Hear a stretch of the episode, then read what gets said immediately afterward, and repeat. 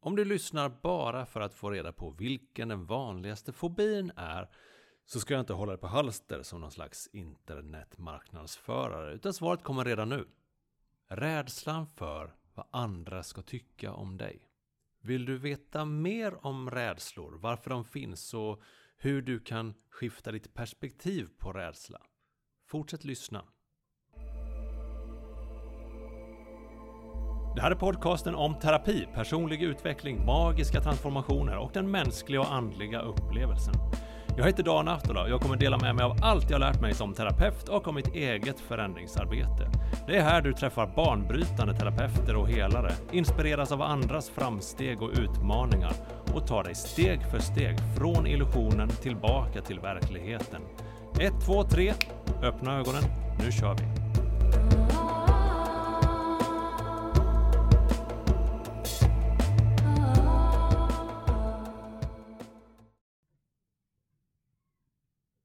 Hur många av dina beslut styrs av känslor? När du tänker på det. Vi vill gärna tro att vi är rationella och har kapacitet att ta förnuftiga, genomtänkta beslut, men känner nog egentligen att vi är ganska styrda av vårt känslomässiga sinne. Alltså att vi reagerar istället för att agera. Och det är egentligen inget fel med det, så länge det funkar som man vill att det ska funka och att det inte ställer till med problem i livet. Jag tror att för att vi inte känner eller vill lära känna våra känslor bättre så hamnar våra beteenden lite ur balans när vi blir känslomässiga. Hur många av er män som lyssnar känner igen er i detta att när starka känslor kommer upp så kan man bli utom sig som man som pojke oftast inte får lära sig att vara med sina känslor. Till exempel ilska. Det finns en känsla som jag är väldigt intresserad av som är avgörande i vårt beslutsfattande bland mycket annat.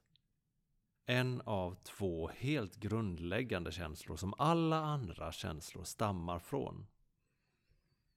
Den ena av de två känslorna är kärlek och den andra är rädsla. Tänk dig ett träd. Själva stammen är grundkänslan. Vi kan i detta exempel säga att den är kärlek. Utifrån stammen går en massa grenar. Vi har glädje, nyfikenhet, förundran, stolthet, eufori, frid. Ja, vi kan hålla på ett tag till.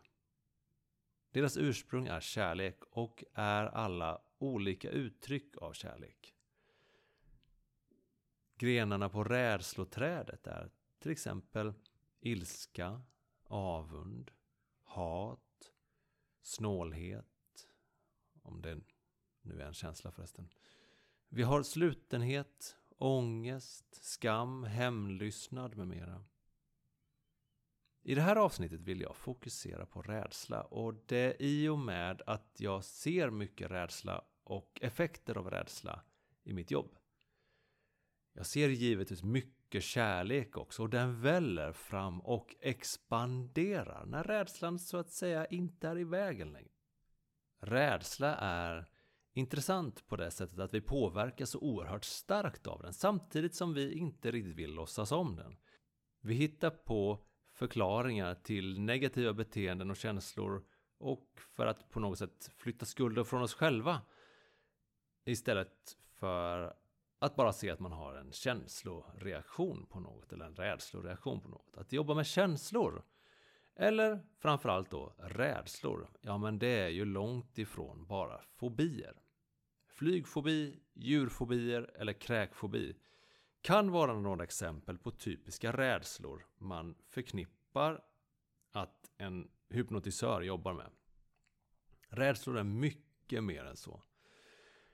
En rädsla ligger bakom skammen som hindrar dig från att ta plats. Rädsla är det som gör att du inte går din egen väg. Rädsla gör att du håller fast vid det dysfunktionella fast du vet att det inte funkar och du får det bevisat gång på gång. Rädsla ligger bakom nästan all stress. För att anknyta till titeln på avsnittet. Något av det mest förlamande i känsloväg är rädslan för vad andra ska tycka om dig. Jag vill påstå att det är den allra vanligaste fobin. Men det ses inte alltid som fobi, utan den göms bakom dåligt självförtroende, blygsel och så vidare. Men det är ett verkligt hinder och ett stort hinder för många. Den är ett hinder för att nå sina mål eller att överhuvudtaget ens börja. Tänk så många icke-förverkligade drömmar som krossas av denna helt irrationella rädsla. Den leder till att många blir stela i sociala sammanhang och inte vågar säga vad man tycker eller helt enkelt våga vara sig själv. Och faktiskt är det så att denna podden finns på grund av att jag slutade vara rädd för vad andra ska tycka om mig.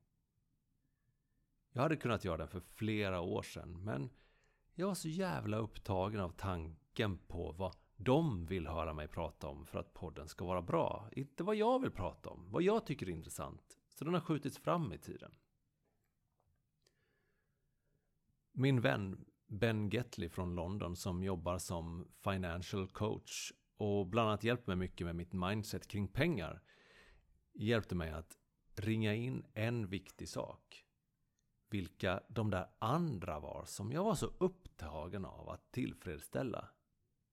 Som jag på ett sätt spelade en roll inför. Och det blev uppenbart att de finns inte. Inte någon annanstans än i mitt huvud. Så jag har alltså gått och inbillat mig saker en stor del av mitt liv. Men så kraftfull är ens fantasi. Jag har befunnit mig så många år i ett stillastående, i det trygga men trista, i det fasta men statiska. För att jag var rädd för vad de skulle tycka om mig. Jag uppmanar dig som dras med fobin för vad andra ska tycka om dig att för en stund ställa några frågor till dig själv. Om du kan, pausa gärna mellan frågorna och ger dig själv tid att svara. Okej, här är frågorna. Vem är de?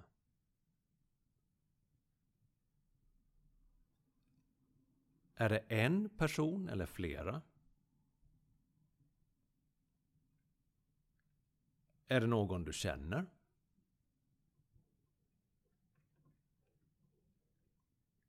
Vad vill de ha av dig? Och den allra viktigaste frågan. Är de andra på riktigt? Eller existerar de bara i ditt huvud? För det är precis det som är grejen. De finns antagligen inte.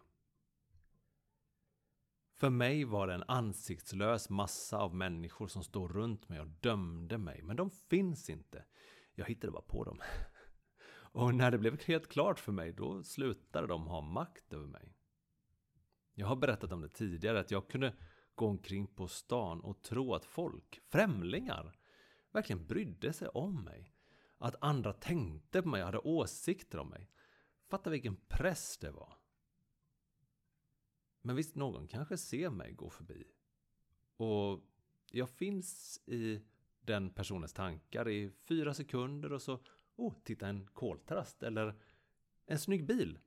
Eller en gammal tanke om något annat, så vips är jag borta. Skönt. Kanske inte för mitt ego, men för mig, för den jag verkligen är. De andra. De där okända människorna.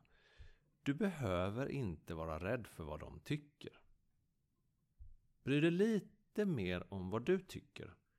Eller det... Ja, men de du älskar och, och som älskar dig. Vi borde inte ta oss själva på så stort allvar, för vet du? Det är ingen annan som gör det heller. Vi är inte så vansinnigt viktiga som vi tror. Det är bara du som bryr dig så mycket om vad du gör. Om jag till exempel ser på mig själv och den här podden. Jag vet att andra kan tycka att en del saker är bra som jag säger. För att det skriver de till mig. Och du ska veta att jag är oändligt tacksam och blir jätteglad av de meddelandena. Men de flesta kanske lyssnar och sen så går de vidare i sitt liv. Kanske med någon ny tanke eller inspiration. Men ingen bryr sig så mycket som jag gör om ett, två, tre öppna ögonen. Jag lägger ner många timmar i veckan, inte bara med att spela in och göra reklam för den, utan all tanke på vad det ska handla om, vem vill jag ha med, vad som helt enkelt känns viktigt. För mig. Och jag gör det för att jag tycker om det. Det är helt fantastiskt att andra tycker om samma saker som jag, men bara jag tycker att det är så viktigt som jag. Så det är därför det är en sån enorm befrielse att inte vara rädd för vad andra ska tycka. Man kan göra lite som man vill. Och du får en mycket större frihet. Våga testa den friheten för en stund. Du kommer gilla den. När vi då tänker på våra åstadkommanden och relationen till vad andra ska tycka om dem så är det ju då lätt att tänka att det handlar om rädsla för att misslyckas. Men det har lika mycket att göra med rädsla för att lyckas. Rädsla för att misslyckas, det kan man ju förstå. Skam, bli bortgjord, att känna som att andra ser ner på en. Men hur kan man vara rädd för att lyckas? Jo, men tänk om det visar sig att jag drivs mot ett mål, mot att åstadkomma något och jag lyckas. Då skulle det hypotetiskt sett kunna finnas en förväntan om att jag ska göra mer eller måste. Att jag får högre press på mig. Vilket gör att jag måste prestera ännu bättre nästa gång. För att andra ska fortsätta tycka att jag är bra som lyckas med det jag gör. Och om man inte riktigt tror att man är värd det finns en stor risk att man undermedvetet ser till att komma undan framgången. Du förstår, det är lätt att slå knut på sig själv.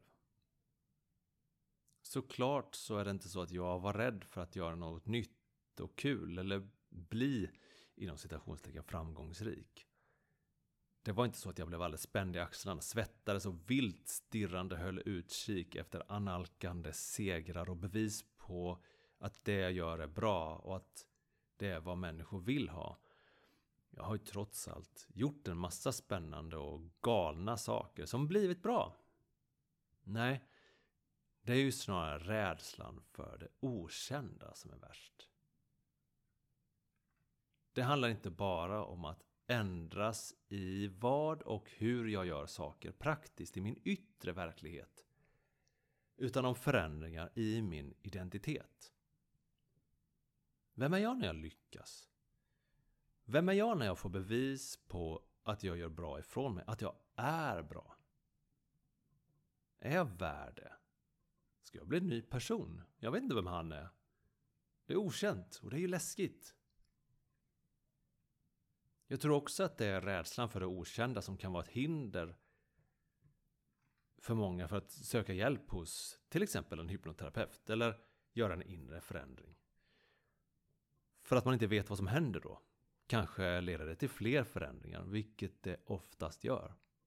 För ändrar du din inre verklighet så kommer du också vilja se den yttre verkligheten på ett annorlunda sätt. Och så är det ju.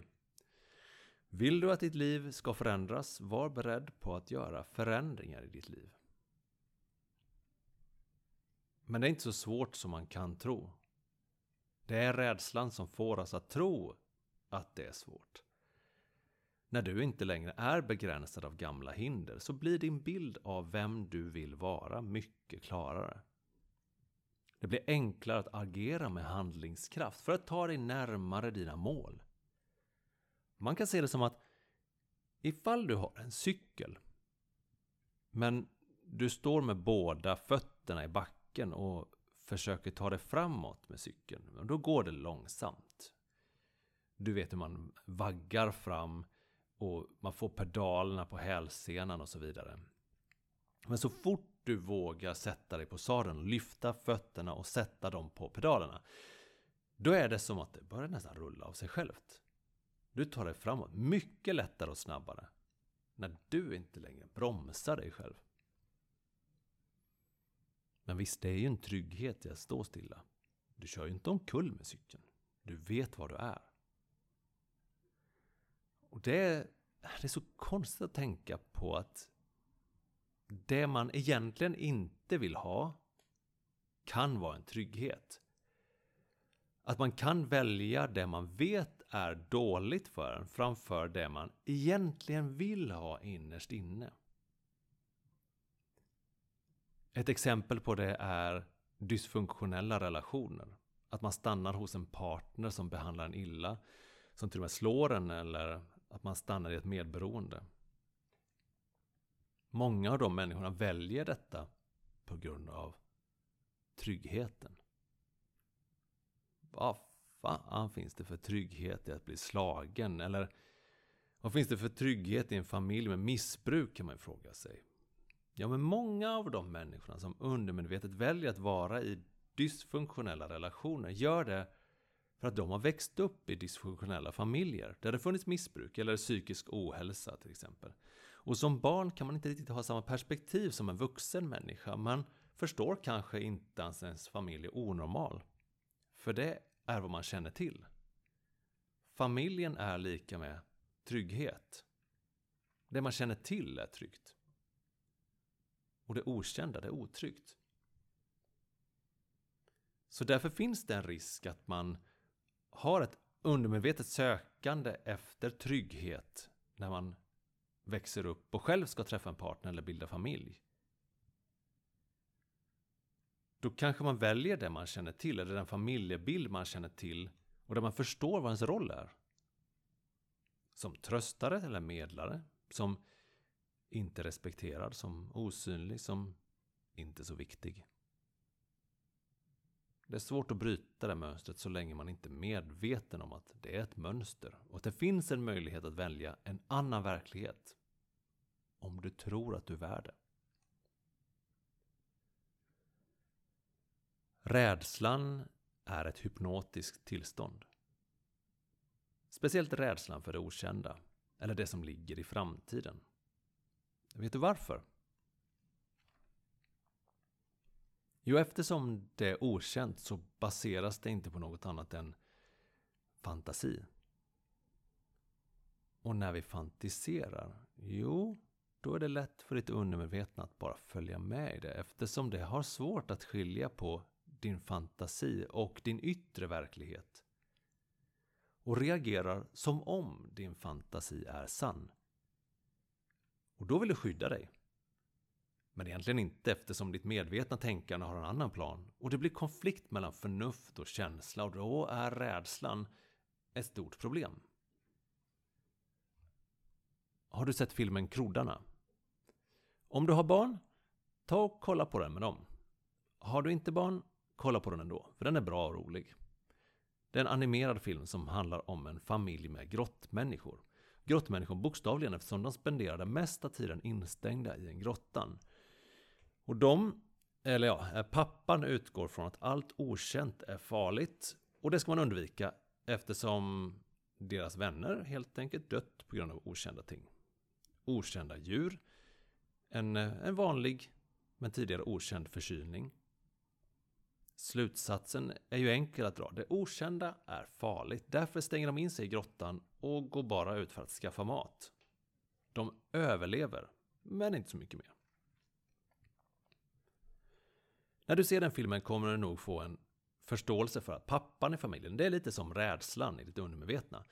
Inte bara att han är stark och handlingskraftig, men också för att han är inte så smart. För att, jo men du förstår, en rädslas uppgift är att skydda dig. Oftast inget annat än så. Den larmar och utgår från tidigare erfarenheter, men tidigare erfarenheter är inte nuet. Därför kan det bli lite konstigt när det krockar med din medvetna uppfattning om nuet.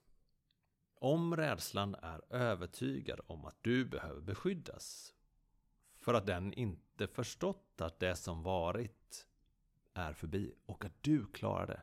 Den övertygelsen kommer göra att du prioriterar att överleva ditt liv. Medan det du vill göra är att leva ditt liv. Och det är det som jag tror många gör, som stressar. Som är i ett slags konstant tillstånd av stress, som släcker bränder. Det handlar ofta om jobbet, att prestera, vara duktig. Att vara bra i andras ögon, om balansen mellan jobb och fritid. Att vara värd att vara lycklig, att ha allt man kan önska men ändå aldrig vara bra nog. Det handlar kort sagt om stress orsakad av rädsla för att ja, för vad de andra ska tycka om en och att överleva livet. Ett liv utifrån andras syn på en. Istället för att leva ett liv på dina villkor utifrån vad ditt hjärta vill. Rädslan är starkare än din medvetna tanke eftersom den prioriterar överlevnad. Om den tror att du måste överleva hela tiden, ja, då finns det inte så mycket tid till njutning eller stillhet. Det är nedprioriterat. De flesta av de negativa känslorna är som sagt grenar på rädsloträdet. Och jag har frågat så många människor, så gott som alla mina klienter. Vad är rädslans uppgift? Skydd. Den vill göra dig trygg. Men förstår inte att du redan har det du behöver för trygghet och egentligen kan slappna av. Men då kan man ju fråga sig med tanke på rädsloträdet, kan man inte bara såga ner det här jävla trädet? Så bara kärleksträdet existerar, så man slipper se på det där jobbiga. Nej, det är vad som kallas eh, spiritual bypassing. Att inte låtsas om det jobbiga, som är en del av dig. Istället vi vill komma närmare rädslorna och se dem. Istället för att fly från dem. Se dem. För vad de är. För vad de vill. För vad de tror att de gör. Se vem det är de skyddar. Bli vän med den här kraften du har inom dig och lär dig ha kontroll över den. Jag kommer att tänka på en, en klient, Pernilla, som är lärare. Hon är en sån person som jag blir så glad av att möta, för hon älskar sitt jobb som lärare, vilket får mig att men känna en tro på framtiden. Det är precis sådana som hon som man vill att ens barn ska se upp till och, och lära sig av. Under sessionen bemötte hon den rädslan hon burit på så länge. Den här lilla rädda delen av henne som tidigare varit så jobbig. Och hon fick tack vare sina erfarenheter som lärare en vacker bild eller liknelse som hjälpte henne förstå sig själv bättre. Hon liknade rädslan vid den eller de eleverna, för de finns ju oftast i varje klass, som tar för mycket plats.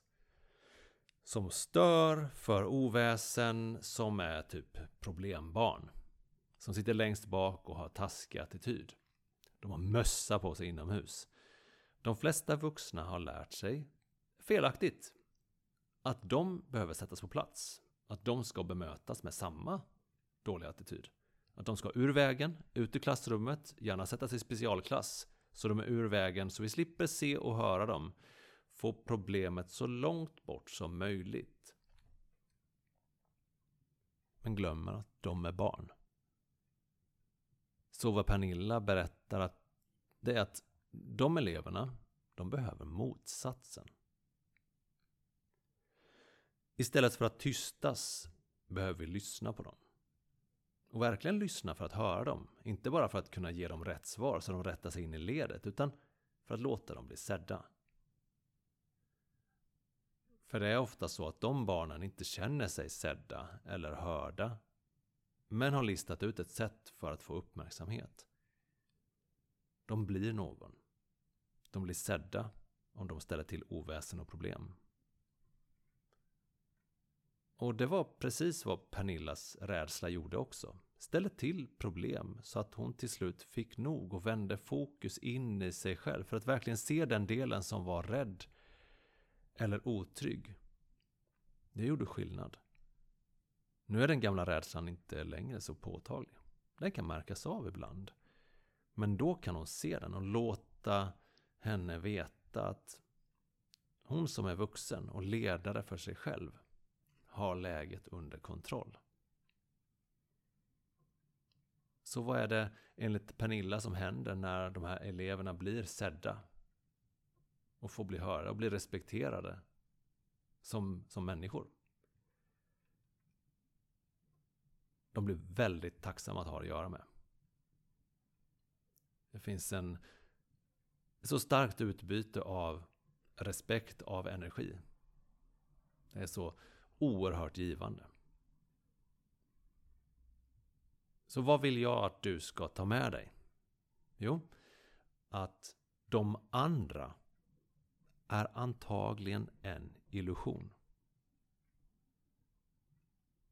Att du inte hade hört detta som jag säger just nu om de andra hade varit verkliga. Rädslan för det okända är värre än det okända. Och det kan finnas en trygghet i det du inte vill ha. Rädslan vill oftast skydda dig. Den är på din sida. Försök att se den, hör den och ta reda på vad den vill. Känns det svårt? Hör av dig till mig, jag hjälper dig. Maila mig på kontakt atola.se och kontaktuppgifterna finns i avsnittsbeskrivningen. Ge lite kärlek till dig själv. Det är du värd. Hej då! Jo, just det. Förlåt. Jag kom på en sak precis nu när jag hade stängt av inspelningen. Att bara för att jag inte är rädd för vad andra tycker så bryr jag mig fortfarande om vad andra tycker. Och vet du vad? Tyckte du att det här var bra så blir jag jätteglad ifall du eh, säger det. Ja, vet du vad? Du kan faktiskt få säga ifall du inte tyckte det var bra också. Men hör av dig, skapa lite kontakt. Tror du att andra skulle tycka det här var bra också? Så dela det med dem. Så, hej då på riktigt nu. Hej!